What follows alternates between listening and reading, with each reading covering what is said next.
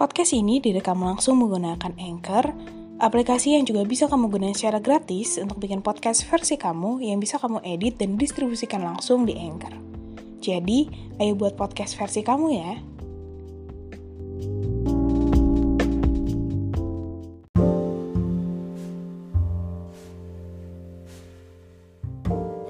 Hai, selamat datang podcast Belajar Menjadi Dewasa bersama gue Nathan. Kita nikmatin prosesnya ya.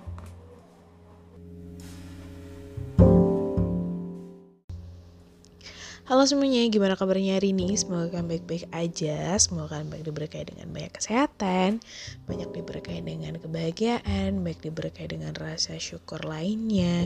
Semoga kalian banyak diberikan rasa ketenangan, rasa nyaman, rasa tentram gitu. Dan banyak lagi yang semoga-semoga hal-hal baiklah yang datang ke kehidupan kalian karena hmm, mungkin ada beberapa dari kalian yang terus-terusan dapat hal yang gak ngenakin hati yang terus-terusan dapetin hal yang bikin sakit terus gitu. Ada mungkin dari kalian. Jadi gue berharap banget sih setiap orang baik di dunia ini gitu selalu mendapat hal yang baik juga sesuai dengan apa yang udah dia lakuin sih gitu. Oke. Okay. Di podcast sebelumnya, yaitu podcast oversharing, gue sempat nanya di Spotify, tanya jawab sama kalian tentang topik apa sih yang sebenarnya pengen um, kamu dengerin dari Nathan, which means ada banyak banget saran dan ada banyak banget hal yang pengen kalian tanyain ke gue dari mulai tentang keluarga broken home, overthinking, privilege, mental health, dan banyak hal lainnya lah kayak gitu. Nah di topik kali ini mari kita bahas tentang yang jarang orang notice tapi ini sebenarnya jadi salah satu base di mana ini masih nyambung sama kemarin sebenarnya itu tentang si sulung, si anak tengah dan si bungsu. Oke. Okay?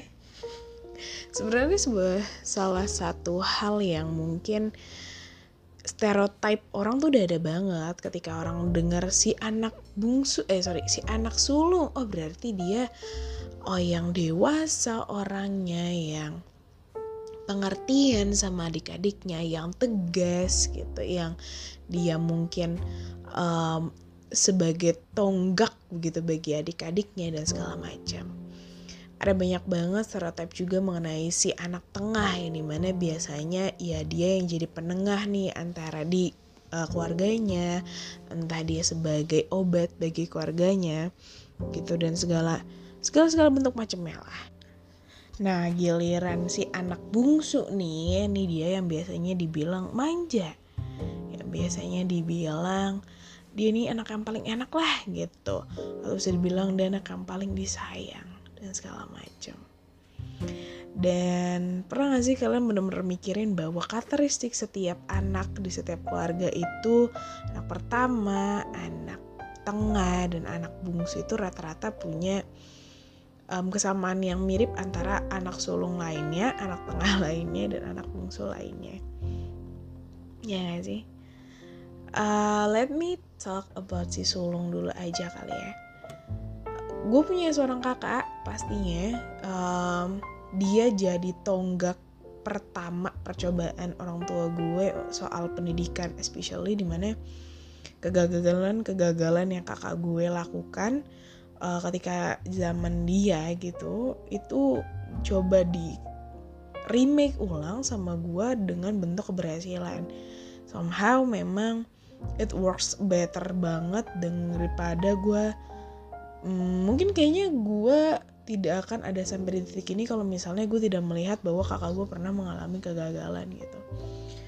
Agak jahat sebenarnya bahasanya gitu. Cuman percaya atau enggak memang kadang tuh anak pertama dijadiin bahan percobaan banget gitu. Uh, gue melihat sebagaimana kakak gue sangat berjuang untuk meraba-raba masa depannya dia yang dia nggak bisa nanya sama siapa-siapa gitu loh ibaratnya. Di keluarga ya dia yang anak yang paling pertama gitu loh. Um, jadi dia nggak ada yang bener-bener jadi punya leadernya gitu loh. Nggak ada yang ngasih tahu dia sebelumnya untuk ngelakuin ini untuk ngelakuin itu untuk ngelakuin itu. Sedangkan um, gue yang ya sebagai adiknya udah tahu nih kalau gue nggak boleh ngelakuin A gue nggak boleh ngelakuin B gue nggak boleh ngelakuin C misalnya dan segala macam jadi gue merasa anak pertama itu sosok yang kuat banget gitu menurut gue sosok yang um, apa ya percobaan yang dia lakukan itu ya sebagai bentuk motivasi untuk adik-adiknya sih. Gue sangat merasakan hal itu sama abang gue sampai sekarang gitu. Uh, banyak juga anak pertama yang dijadikan sebagai tumpuan bagi keluarganya. Makanya zaman sekarang tuh ada namanya istilah sandwich generation di mana dia anak pertama dalam sebuah keluarga dan dia juga jadi kepala keluarganya gitu dalam sebuah keluarga. Jadi duit gaji dia ya memang buat keluarga um, buat orang tuanya buat adik-adiknya dan segala macam. Jadi untuk bahkan berkeluarga pun itu jadi suatu hal yang sulit sebenarnya uh, ketika gue bener-bener tahu apa sebenarnya makna sandwich generation ini sebenarnya gue cukup prihatin dan sangat-sangat menyayangkan bahwa ada beberapa orang tua sangat bertumpu kepada anak pertama mereka atau anak yang mungkin bisa menghasilkan um, uang pundi-pundi uang gitu bagi keluarganya. Karena sejujurnya seorang anak itu nggak punya kewajiban khusus untuk ngasih duit ke orang tua karena uh, ya ya memang sebenarnya adatnya tuh sebenarnya kayak gitu mungkin kita harus ngasih ke orang tua kita beberapa dari sebagian gaji kita adat di negara kita ada di masyarakat kita mungkin kayak gitu. Tapi bukan kewajiban bagi mereka untuk memenuhi segala bahkan hingga kebutuhan pokok si orang tua ini. Jadi seakan-akan banyak orang tua tuh yang melahirkan anak itu sebagai investasi menurut gue di mana ya gue punya anak biar ada yang ngurusin gue di masa tua lah. Ya gue punya anak biar ada yang ngebantuin gue lah ketika gue lagi tiba-tiba miskin. Ya gue punya anak biar uh, gue gini-gini lah. Jadi seakan-akan mereka punya anak bukan karena mereka memang mau dititipkan Tuhan amanah atau mungkin mereka tidak mau emang benar-benar mempunyai keturunan yang bisa membantu orang lain dan membantu negeri gitu ya ibaratnya bahasanya beratnya gitu. Tapi mereka mau punya anak karena buat kepuasan mereka di mana oh gue mau punya anak biar ada yang ngurusin gue oh gue mau punya anak biar ada yang bisa gue banggain. Oh gue pengen punya anak yang bisa A B C D E. Sehingga ketika mereka mulai beranjak dewasa si orang tua ini banyak nuntut. Si orang tua ini banyak uh, menurut gue banyak melakukan dan mengarahkan anak mereka untuk seperti apa yang mereka mau dan salah satunya yang sangat tampak menyedihkan adalah memang si sandwich generation ini. Sandwich generation ini sebenarnya mungkin most of the time itu anak sulung karena memang anak pertama di mana dia uh, dia pasti udah lebih tua daripada adik-adiknya di mana dia mungkin orang tuanya entah mungkin tua entah orang tuanya mungkin emang udah nggak bisa diandelin juga untuk bekerja dan segala macam banyak lain faktornya hingga akhirnya anak-anak sulung ini lebih bekerja bukan untuk dirinya tapi benar-benar untuk hanya keluarganya. Hingga bahkan mereka lupa kalau ternyata dirinya juga sebuah bagian dari keluarga itu. Gue cukup sedih gitu ketika orang yang udah kerja mati-matian dapetin duit tapi mereka nggak pernah benar-benar menikmati hasilnya karena mereka part of the sandwich generation ini gitu. Mereka part of di seberapa tertekannya dia. Dan ini pun sebenarnya jadi satu hal yang sering dihindari sama banyak orang untuk mereka mencari pasangan di mana iya mereka berpikir ketika si orang ini masih menjadi tumpuan di sebuah keluarga ya lo nggak akan bisa banyak mengharapkan keluarga lo akan um, semakmur itu karena ya memang gajinya dia pendapatan atau penghasilannya dia pasti pasti akan lebih banyak ke keluarganya. Jadi itu kenapa menurut gue anak si sulung ini tuh bener-bener menurut gue cukup orang yang bukan cukup tapi orang yang sangat kuat. Di mana dia benar-benar jadi penanda bendera gitu untuk jalan-jalan bagi adik-adiknya gitu. Walaupun si sulung itu mungkin sering mendapatkan banyak tekanan tapi ya si mau nggak mau nih gitu.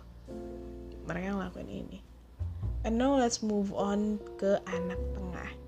Anak yang mungkin sering banget dilupain di keluarga anak yang mungkin terkesan pendiam terkesan tertutup atau terkesan hmm ya udah aja gitu orangnya. Kalau kalian sebenarnya mau relate di film NKCTHI nanti kita cerita tentang hari ini. Si anak tengah memang punya emosional yang lebih terbungkus rapat gitu di mana si anak tengah mungkin merasa bahwa kehadiran dia di keluarga ya memang sebatas sebagai pelengkap bukan sebagai menu utama gitu di mana dia harus melengkapi keluarganya, dia harus melengkapi kekurangan adik-adiknya atau kakak-kakaknya, dia harus jadi kakak sekaligus adik, dia harus jadi orang yang serba bisa karena ketika si kakak ini nggak bisa diandelin ya jatuhnya ke mereka gitu. Mereka harus jadi orang yang mungkin bisa diandalkan. Mereka harus jadi orang yang mungkin uh, menjadi tumpuan juga di sebuah keluarga. Jadi si anak tengah yang sering terlupakan ini bahasanya kebanyakan orang gitu adalah sebuah sosok yang menurut gue perlu perlu banget perhatian khusus gitu. Karena kadang tuh ya beberapa mungkin orang tua lupa kalau mereka tuh punya anak tengah yang sebenarnya ya mereka juga punya emosi. Mereka juga punya perasaan yang perlu diluapkan mereka juga punya pemikiran yang perlu didengarkan gitu. Mereka mereka punya langkah hidup yang baik untuk mereka gitu. Tapi sayangnya ada beberapa orang yang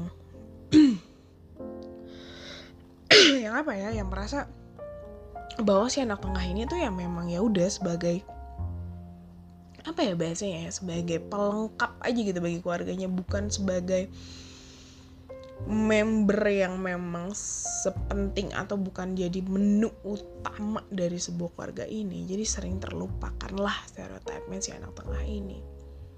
Mereka gue merasa bahwa anak-anak tengah ini tuh punya uh, emotional yang unstable karena mereka harus menjadi dua figur di saat bersamaan di mana mereka mungkin harus menjadi kakak di sisi lain mereka dia juga harus menjadi adik. Jadi posisi dia tuh ngambang posisi dia itu um, sangat terlihat um, apa ya sangat terlihat si nggak punya role ibaratnya nggak punya peran gitu. Karena iya balik lagi ke dalam dua peran yang mereka lakukan di mana mereka menjadi kakak sekaligus mereka menjadi adik. Jadi menurut gue memang si anak tengah ini lebih sering memendam perasaan mereka lebih sering um, merasa bahwa ya kehadiran mereka cuman sebagai pelengkap dan kayak gitu itu sih sebenarnya stereotip stereotip yang gue tahu nih tentang si anak sulung dan si anak tengah yang mungkin sering kita dengar dan kita lihat juga di film di cerita-cerita orang dan segala macam. And now let's moving on to anak bungsu yaitu gue sendiri gue merupakan anak terakhir dari dua bersaudara jadi memang gak ada anak tengah di keluarga ini gitu gue si bungsu yang memang gak bisa bohong kalau gue mendapat banyak fasilitas yang jauh lebih baik dibandingkan dengan mungkin kakak gue gitu dibandingkan dengan abang gue di mana gue mendapatkan banyak um, fasilitas dari bokap nyokap yang cukup. Gue merasa itu lebih dari cukup gitu loh untuk bahkan dibandingkan dengan saudara laki-laki gue. Tapi di sisi lain gue merasa bahwa pendapat gue tidak pernah betul-betul diterima gitu. Gue merasa bahwa pendapat gue di keluarga tuh nggak punya suara yang jelas gitu. Ya seakan-akan gue cuma jadi gue, gue seakan-akan masih dipandang sebagai anak kecil sama mereka. Gue nggak tahu apa-apa. Uh, mereka menganggap kalau gue ya ya udah jalani aja apa yang udah ada uh, lo udah dikasih ini ini itu udah lo tinggal jalanin. Padahal mungkin bagi sebagian anak bungsu ini mereka belajar lebih cepat dewasa dibandingkan dengan kakak-kakaknya. We never know man. Kalau kata gue we never know. Jadi uh, alasan kenapa anak bungsu juga jadi tipe anak yang mungkin penggretak gitu ya. Sebagai anak yang cukup pemberontak dan pembangkang karena mereka um, sering diajarkan untuk menutup pendapat mereka. Mungkin mereka sering dipaksa untuk tidak merasakan atau tidak mengungkapkan apa yang sedang mereka rasakan gitu. Jadi si anak bungsu ini tuh ya udah ditimang-timang aja nih sama keluarga mereka nggak keluarga ini tuh nggak mau nyoba untuk bikin si anak ini tuh uh, betul-betul meng apa ya ibaratnya memberitahukan gitu kali bahasanya ya. Bahasanya kurang pas sebenarnya tapi ibaratnya kayak gitu. Uh, keluarga ini tuh nggak mau untuk ngasih kesempatan untuk si anak bungsu memberikan pendapat yang menurut mereka ya menurut si anak bungsu ini tuh benar tapi menurut mereka ya dia cuma anak kecil dan segala macam gitu. Ada beberapa kisah juga di mana anak bungsu malah jadi uh, sandwich generation nah seperti ada anak sulung sebenarnya sandwich generation ini tuh nggak bisa juga dikhususkan untuk anak sulung doang atau misalnya cuma anak tengah doang tapi atau misalnya cuma anak bontot doang tuh enggak gitu tapi memang most of the time si sandwich generation ini tuh datang di anak sulung atau kadang bahkan lebih sakitnya adalah si anak bungsu. Di mana dia yang paling kecil dia harus nge-carry gitu dia harus ngebawa si kakak-kakaknya dan keluarganya. Itu yang kayak menurut gue lebih lebih lagi buruknya gitu. Jadi udah dia nggak didengarin pendapatnya udah dia yang capek kerja udah dia yang capek berusaha dan berusaha bangkit dengan kaki dia sendiri tanpa bantuan orang lain tapi stereotip orang tentang anak bungsu nggak pernah hilang tentang ah anak bungsu pasti manja. Ah lo anak bungsu pasti lo nggak bisa mandiri. Dan itu sering banget kejadian juga sama gue di mana gue merasa bahwa pendapat gue mungkin jarang dan sulit untuk didengar. Jadi memilih untuk diam adalah suatu hal yang sangat-sangat lumrah dan sangat-sangat sering gue lakukan. Sampai sekarang pun gue suka masih takut untuk mengungkapkan pendapat maupun mengungkapkan uh, pemikiran gue. Karena gue merasa orang tuh tidak betul-betul menghargai um, apa yang gue bicarakan lewat mulut gue. Karena mereka menganggap ya udah gue anak kecil aja. Kayak gitu. Jadi setiap anak setiap posisi anak tuh nggak ada yang bener-bener menyenangkan. Gitu loh. Nggak semua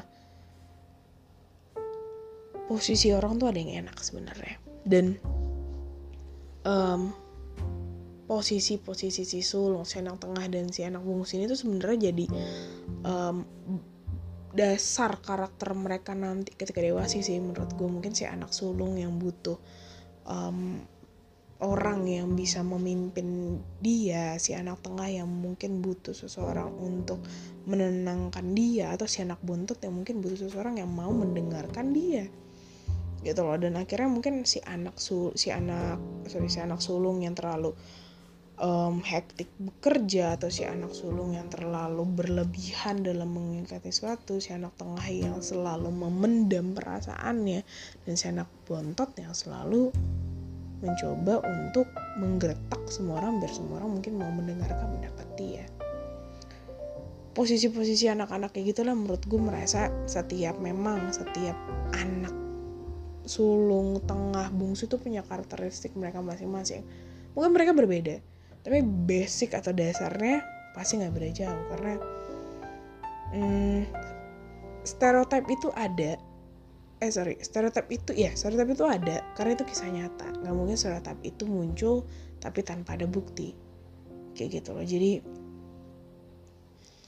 ya nggak ada yang enak untuk menjadi posisi apalagi kalau misalnya kalian mungkin gak punya saudara bener-bener anak uh, tunggal gitu. Jadi itu yang malah lebih mungkin merasa mereka lebih kesepian dan segala macam. Jadi menurut gue adalah ya setiap anggota keluarga pasti punya posisi yang gak enak lah dalam keluarga. Gak ada yang benar-benar menikmati posisi mereka ada di keluarga itu. Cuman satu-satunya hal yang mereka bisa lakukan adalah dengan cara bertahan dan jalanin. Karena either lo cuman ngeluh dan lo cuman menuntut keluarga lo untuk selalu mengerti lo lebih mending lo mencoba untuk mengerti keluarga lo atau mungkin memang lo mencoba untuk meng ya udah kan segalanya gitu menurut gue so ya yeah, this is the end of podcast. Semoga kalian seneng banget sama podcastnya. Sebenarnya lebih ke semoga kalian punya perspektif baru sih tentang gimana sih si anak sulung, si anak tengah dan si anak bontot untuk mungkin kalian juga bisa lebih memahami lagi orang-orang di sekitar kalian atau bahkan keluarga kalian sendiri. Gitu. Karena di posisi mana pun nggak ada yang enak.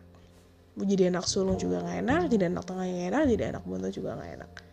Kita manusia cuma kerjanya memang mau menuntut yang lebih yang lebih yang lebih karena kita selalu merasa kurang kita selalu merasa kurang dan kita selalu merasa kurang gitu.